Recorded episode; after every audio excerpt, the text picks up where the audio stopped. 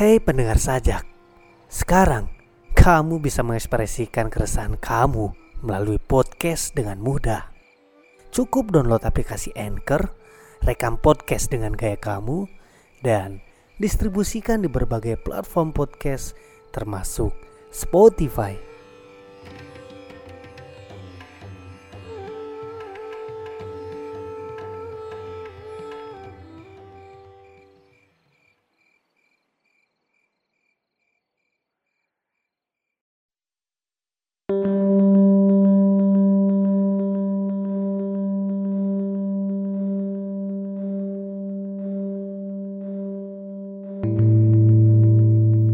Mobil memasuki pelataran kantor besar polisi dengan lambat-lambat.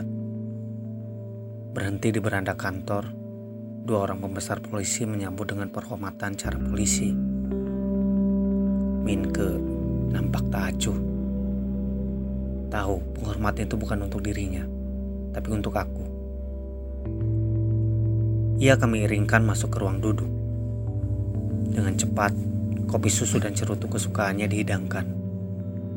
Dua orang pembesar polisi itu berusaha keras seramah mungkin. Kedua-duanya bangsa totok. Minke nampak berusaha keras tersenyum sebanyak mungkin. Namun kami semua dapat menduga apa yang sedang bergolak dalam pikirannya.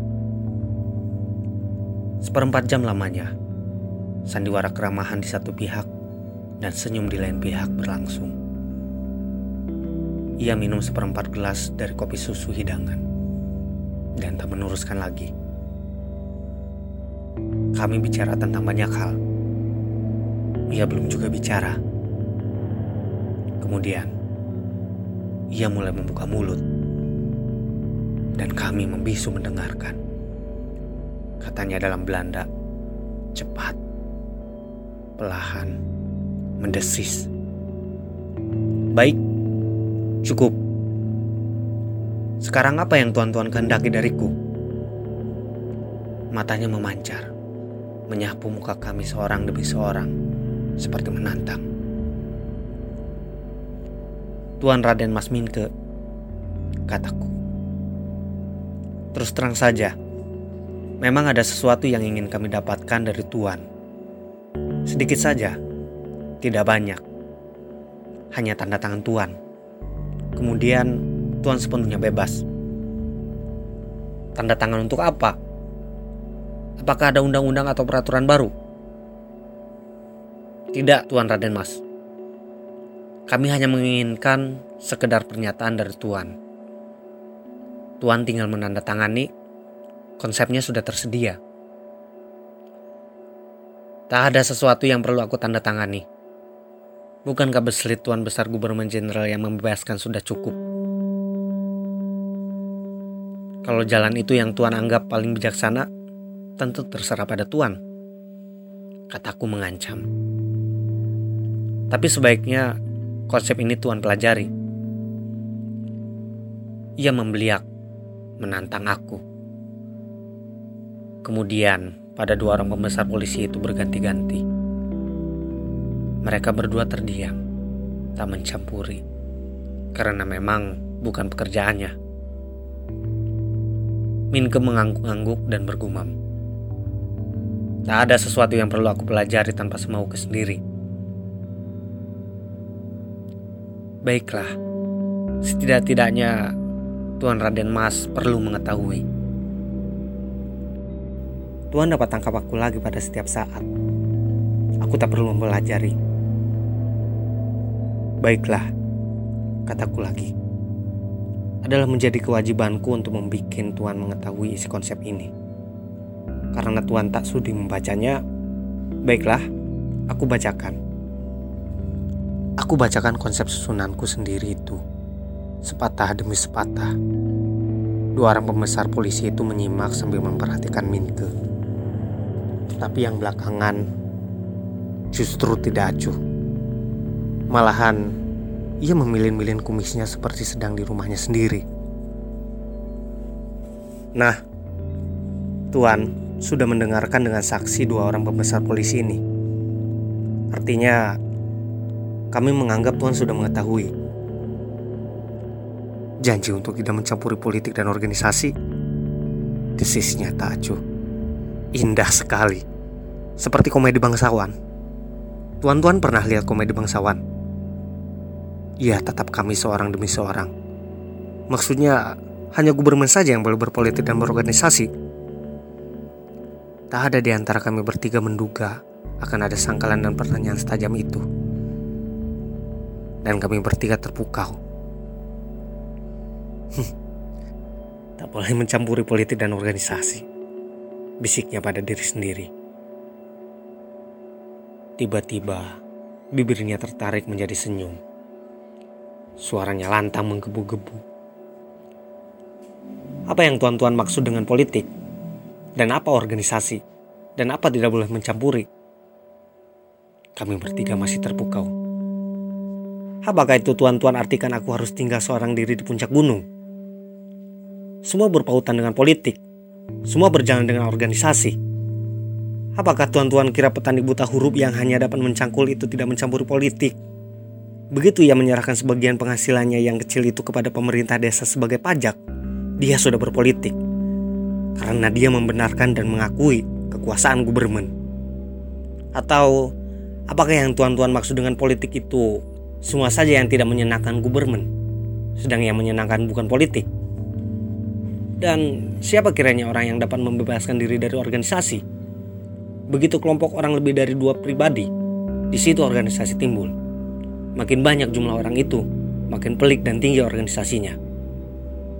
Atau Adakah tuan-tuan punya maksud lain dengan politik atau organisasi? Kami bertiga masih terpukau. Sejak zaman Nabi sampai kini, ia menurunkan nada suaranya. Tak ada manusia yang bisa terbebas dari kekuasaan selamanya, kecuali mereka yang tersisihkan karena gila. Bahkan, pertama-tama mereka membuang diri. Seorang diri di tengah-tengah hutan atau samudra masih membawa padanya sisa-sisa kekuasaan selamanya. Dan selama ada yang diperintah dan memerintah, dikuasai dan menguasai orang berpolitik. Selama orang berada di tengah-tengah masyarakat, betapapun kecil masyarakat itu, ia berorganisasi. Atau apakah tuan-tuan menghendaki aku menandatangani sebagai vonis hukuman mati tanpa pengadilan? Sebagaimana aku dihukum buang tanpa pengadilan? Ataukah surat pernyataan yang lucu itu juga bagian dari hak eksorbitan gubernur jenderal? Kalau demikian halnya, mana kebukti adanya hukum dan aturan baru? Aku ingin melihat. Melihat lidah telah tercabut dari mulut kami, ia bunuh cerutunya di dalam asbak dan tersenyum penuh kemenangan. Bukan kewajiban kami untuk menjawab, kataku. Jadi siapa harus jawab? Aku sendiri. Kami semakin terpojok. Jangan gusar, Tuan, kata salah seorang pembesar polisi itu. Soalnya bukan gusar atau tidak gusar. Tuan-tuan adalah hamba hukum. Tanda tanganku akan mengakibatkan ikatan hukum. Tapi surat pernyataan itu tidak dilahirkan karena hukum. Lebih baik tuan-tuan tanda ini sendiri. Melihat kami masih juga terbukau, seperti Tuan Besar Gubernur Jenderal, ia bertanya padaku. Tuan Bangmanan, sudah selesaikah kedudukanku sebagai tamu? Akan ke manakah Tuan? Setidak-tidaknya tak perlu diantar-antarkan. Jadi, tidak Tuan tanda tangan pernyataan ini? Lupakan Tuan. Baik, hari ini Tuan masih terhalang untuk menandatangani. Besok atau lusa, Tuan mungkin punya pikiran lain, kataku. Surat ini akan disimpan di kantor ini. Sekiranya Tuan merasa memerlukannya, Tuan dapat datang kemari pada setiap saat. Terima kasih atas segala-galanya. Sebagai tamu pada tuan rumah, selamat siang. Ia angkat kopornya yang tampak tidak berbobot itu kemudian pergi, berjalan dengan tegapnya menuju ke jalan raya. Pembesar polisi yang seorang diri terheran-heran, sedang yang lain melompat ke dalam untuk mengerahkan anak buahnya. Kepala batu yang cerdik, orang itu memberi komentar. Bila aku dia, barangkali aku pun akan bersikap seperti itu, kataku. Bagaimana nasib dokumen ini, Tuan Pangemanan? Tak ada yang paksa dia. Kesalahan prosedur. Tuan besar pun tidak bisa memaksa. Seluruh kepolisian pun tidak. Dari jendela, nampak ia menghentikan sebuah delman. Kemudian ia naik. Delman itu menuju ke arah Senen. Tak lama kemudian, dari kantor keluar lima orang preman bersepeda membuntuti delmannya.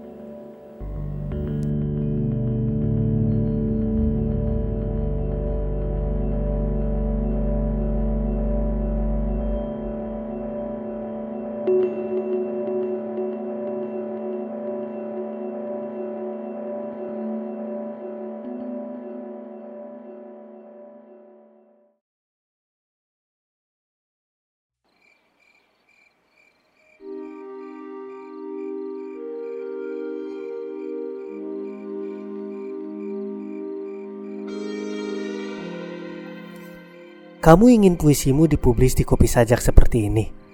Caranya, cukup kirim rekaman puisimu ke email Kopi Sajak yang sudah ditulis di deskripsi.